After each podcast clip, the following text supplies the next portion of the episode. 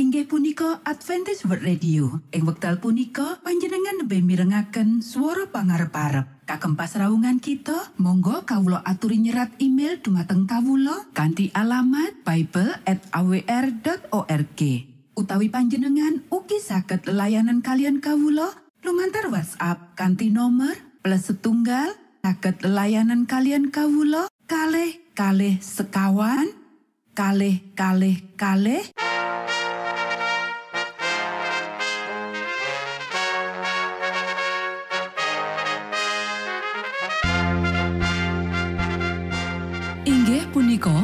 Adventist World Radio ingkang giaran kanti basa Jawi. Tentrem Rahayu kula aturaken kagem para mitra kinasih ing pundi papan lan panggonan. Sugeng pepanggian malih kalian Adventist World Radio. Kanti bingahing manah Kulo badi sesarengan kalian poro mitra kinasi. Lumantar saperangan adicara ingkang sampun rinonci. Mligi kagem panjenengan sami. Mugi giaran punika saged migunani tuen dados berkah kagem kita sedoyo. Sugeng midhangetaken Gusti amberkahi.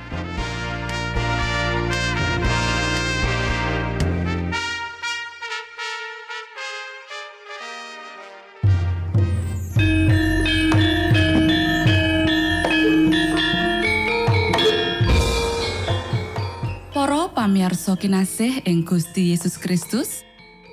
Ing wekdal punika, kita badhe sesarengan ing adicara ruang kesehatan. Ingkang saestu migunani kagem panjenengan saha kita sami.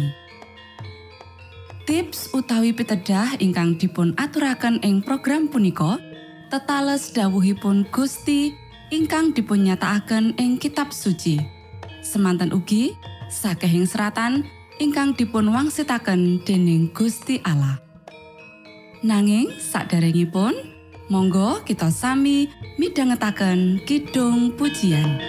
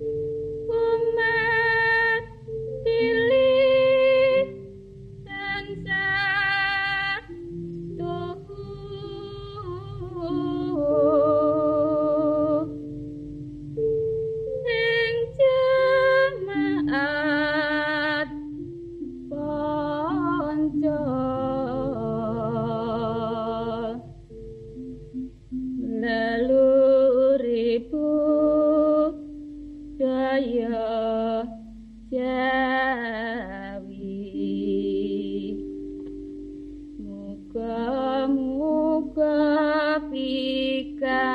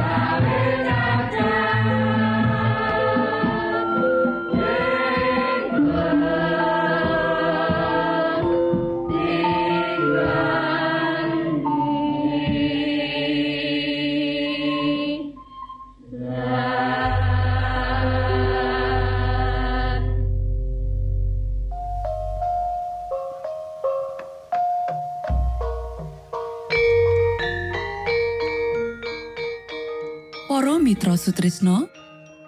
Puji syukur dumateng Gusti ingkang murbeng dumati ingkang sampun kepareng paring wewenngan kagem kita. Satemah saged nglajengaken ruang kesehatan. Pirembakan kita semangke kanthi irah-irahan. Sesambungan karo lembaga kesehatan.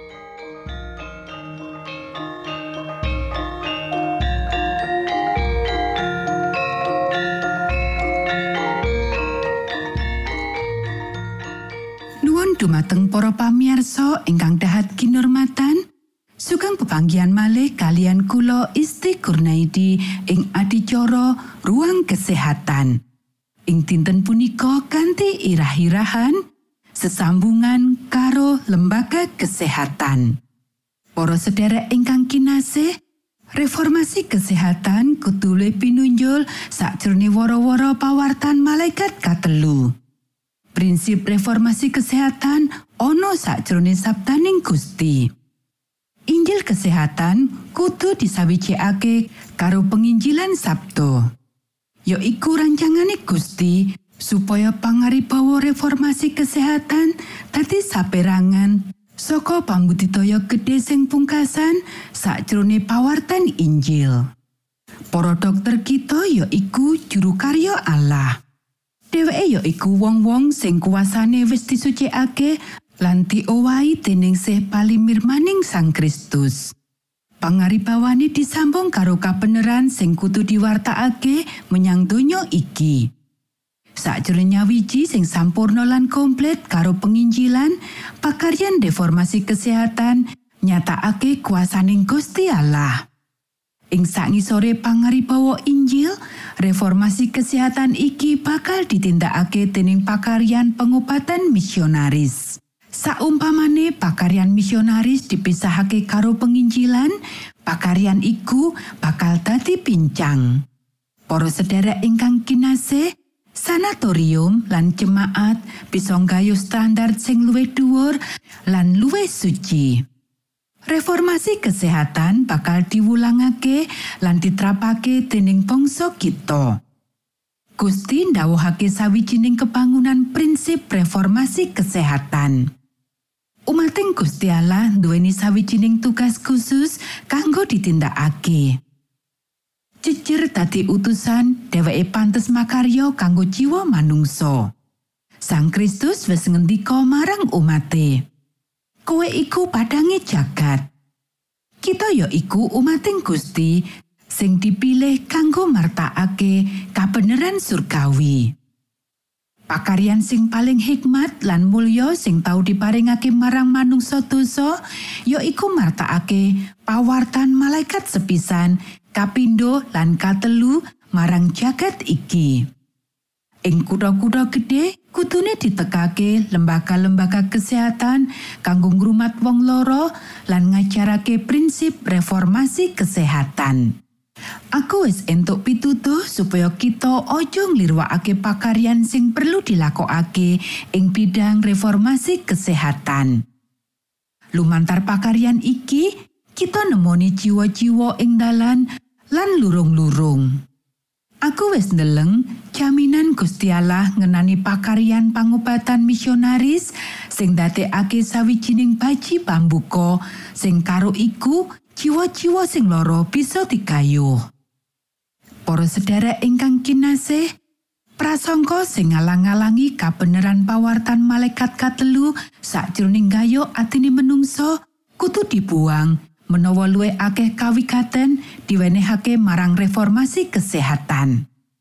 Menawa umat manungsa luwih akeh ketarik marang piwulang iki, dalan bakal kabuka kanggo ngleponi kabeneran-kabeneran liyane. Menawa wong-wong percaya menawa dheweke wis sakjroning kesehatan, dheweke bakal luwih sumadyo mercayani menawa kita nampa kitab suci kanthi akal sehat. Matur nuwun Gusti amberkahi.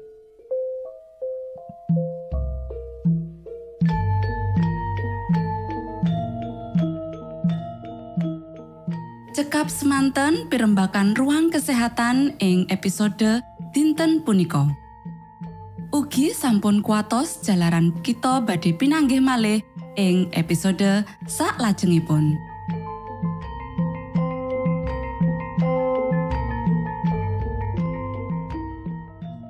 Inggih punika adicara ruang kesehatan. Menawi panjenengan gadah pitakenan utawi ngersakaken katrangan ingkang langkung, monggo kula aturi kinton email dateng alamat ejcawr@ gmail.com utawi lumantar WhatsApp kanti nomor 025 pitu 00 songo songo papat 00 pitu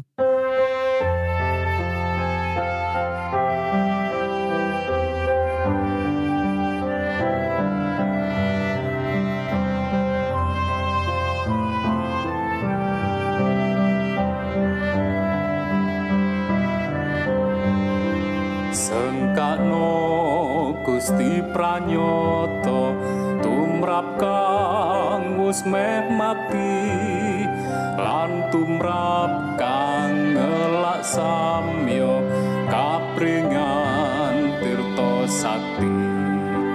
Manah kang ngasor lan suci Gusti mirsa lan nampi kang samyo wuto ing driya antuk pandulu mukti.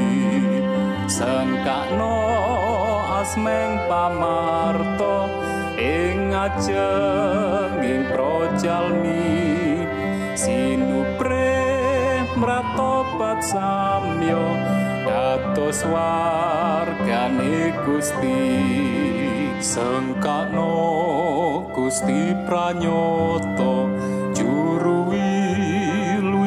jalmi mreh Gusti kapinanggih tumrap ingkang matosi kata tiang sekeng sami ngupati mreh basuki. Kanging sami marep mring Gusti sengkakno asmeng pamarto ing ajenging projalmi sinupre mratobat samyo dados wargane Gusti.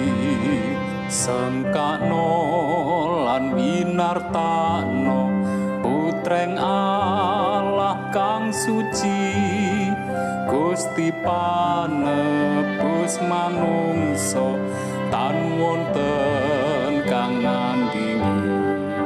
Sampun rujatuh sojalmi dekorban kang ati.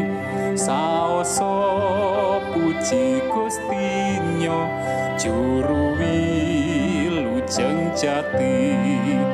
Sengkakno asmeng pamarto ing ajenging projalmi.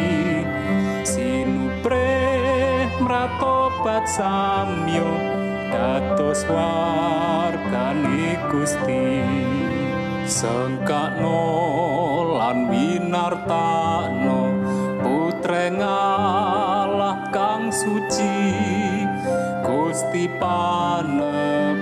manungso tan wonten kang nandingi sampun rujatuh sojalmi dikurban yo kang ati saoso puji Gustinyo juru wilujeng jati.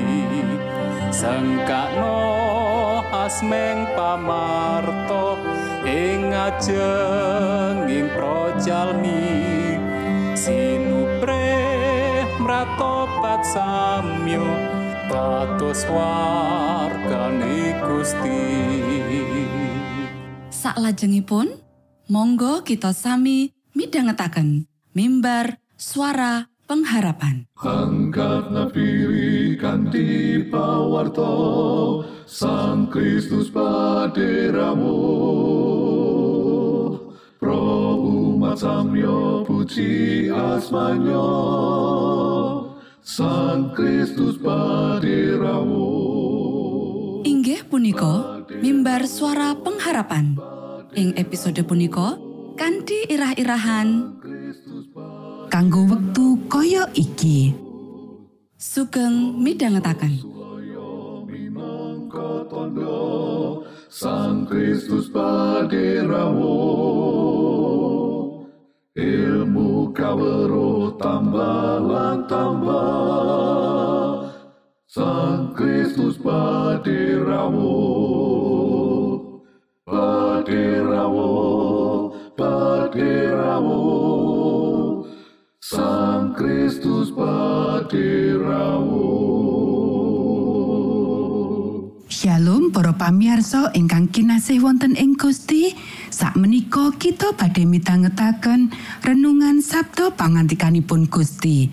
Ing dinten punika kanthi irah-irahan kanggo wektu kaya iki. Para sedherek ingkang kinasih, ayo kita waca kitab Ester pasal papat ayat siji nganti papat. Bareng Pak Mordekai weruh anane lakon. Banjur nyuwek panganggone tuen manganggo bagor sarta awu. Nuli metu lumaku ana ing satengahing kutha kalawan sesambat memelas asih kanthi swara soro mangkono iku nganti tekan ing ngareping gapuraning kraton ujar ora ana wong kang kena lumebu ing gapura kalawan manganggo bagor ing saben daerah kang wis tampa dawuh undang-undange Sang Prabu wong-wonge Yahudi padha susah banget banjur padha puasa tuwin nangis sarta sesambat. Akeh kang padha turu alemek bagor lan awu.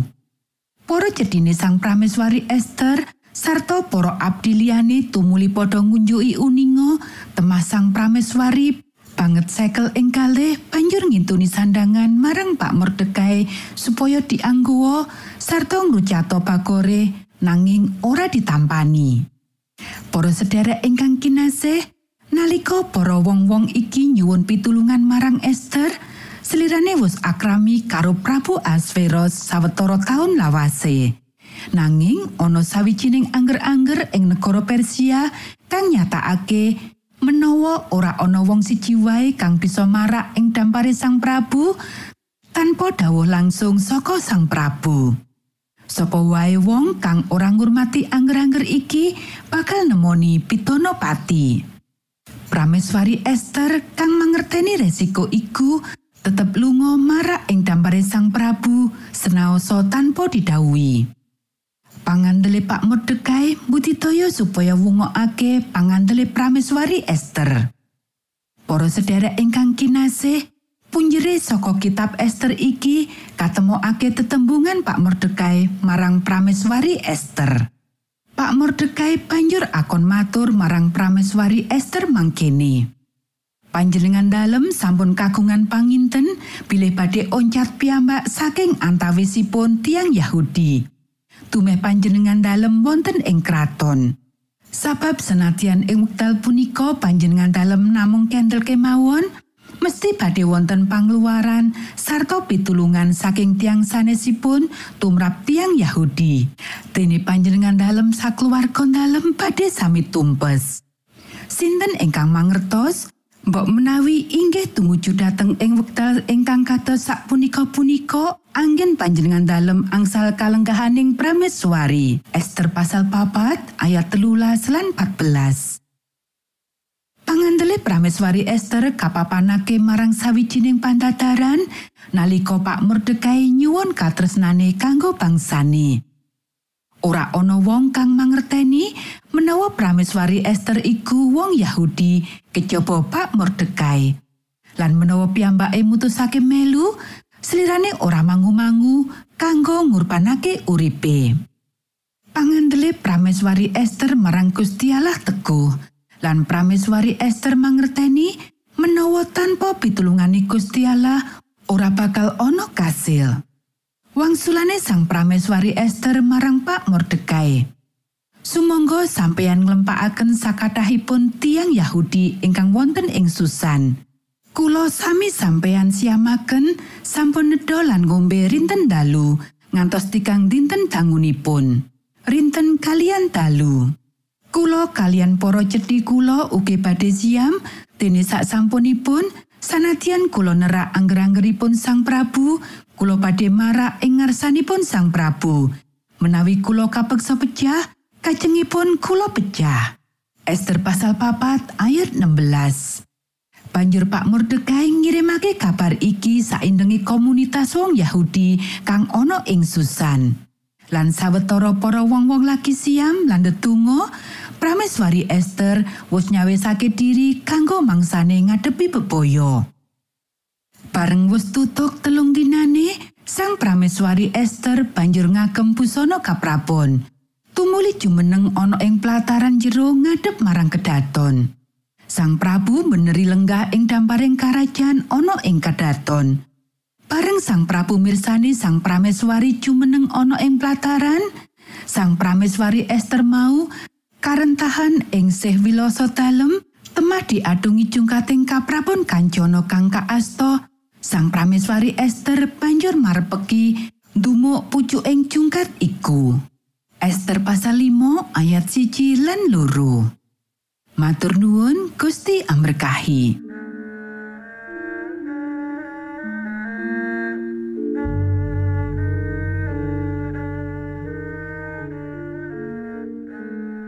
Mitra Sutrisno, pamiarsa kinasih ing Gusti Yesus Kristus. Sampun paripurno pasamuan kita ing dinten punika. Menawi panjenengan gadah pitakenan utawi ngersakaken seri pelajaran Alkitab suara nubuatan, monggo kulo aturi kinton email dateng alamat ejcawr gmail.com. utawi lumantar WhatsApp kanti nomor 025 pitu 00 songo songo papat 00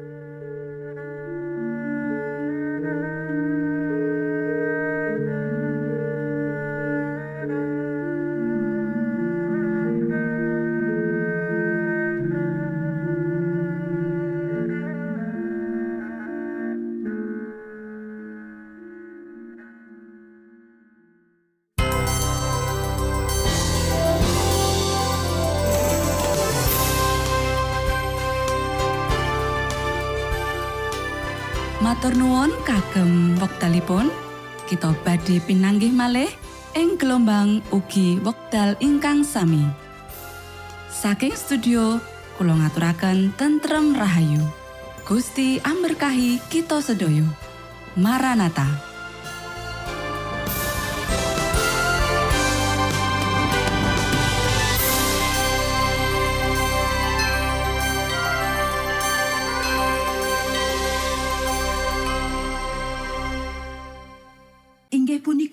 Adventist World Radio. Ing wekdal punika panjenengan lebih mirengaken swara pangarep-arep. Kagem pasraungan kita, monggo kawula aturi nyerat email dumateng kawula kanthi alamat bible@awr.org. Utawi panjenengan ugi saged layanan kalian kawula lumantar WhatsApp kanthi nomor plus setunggal saged layanan kalian kawula kalih kalih sekawan kalih kalih kalih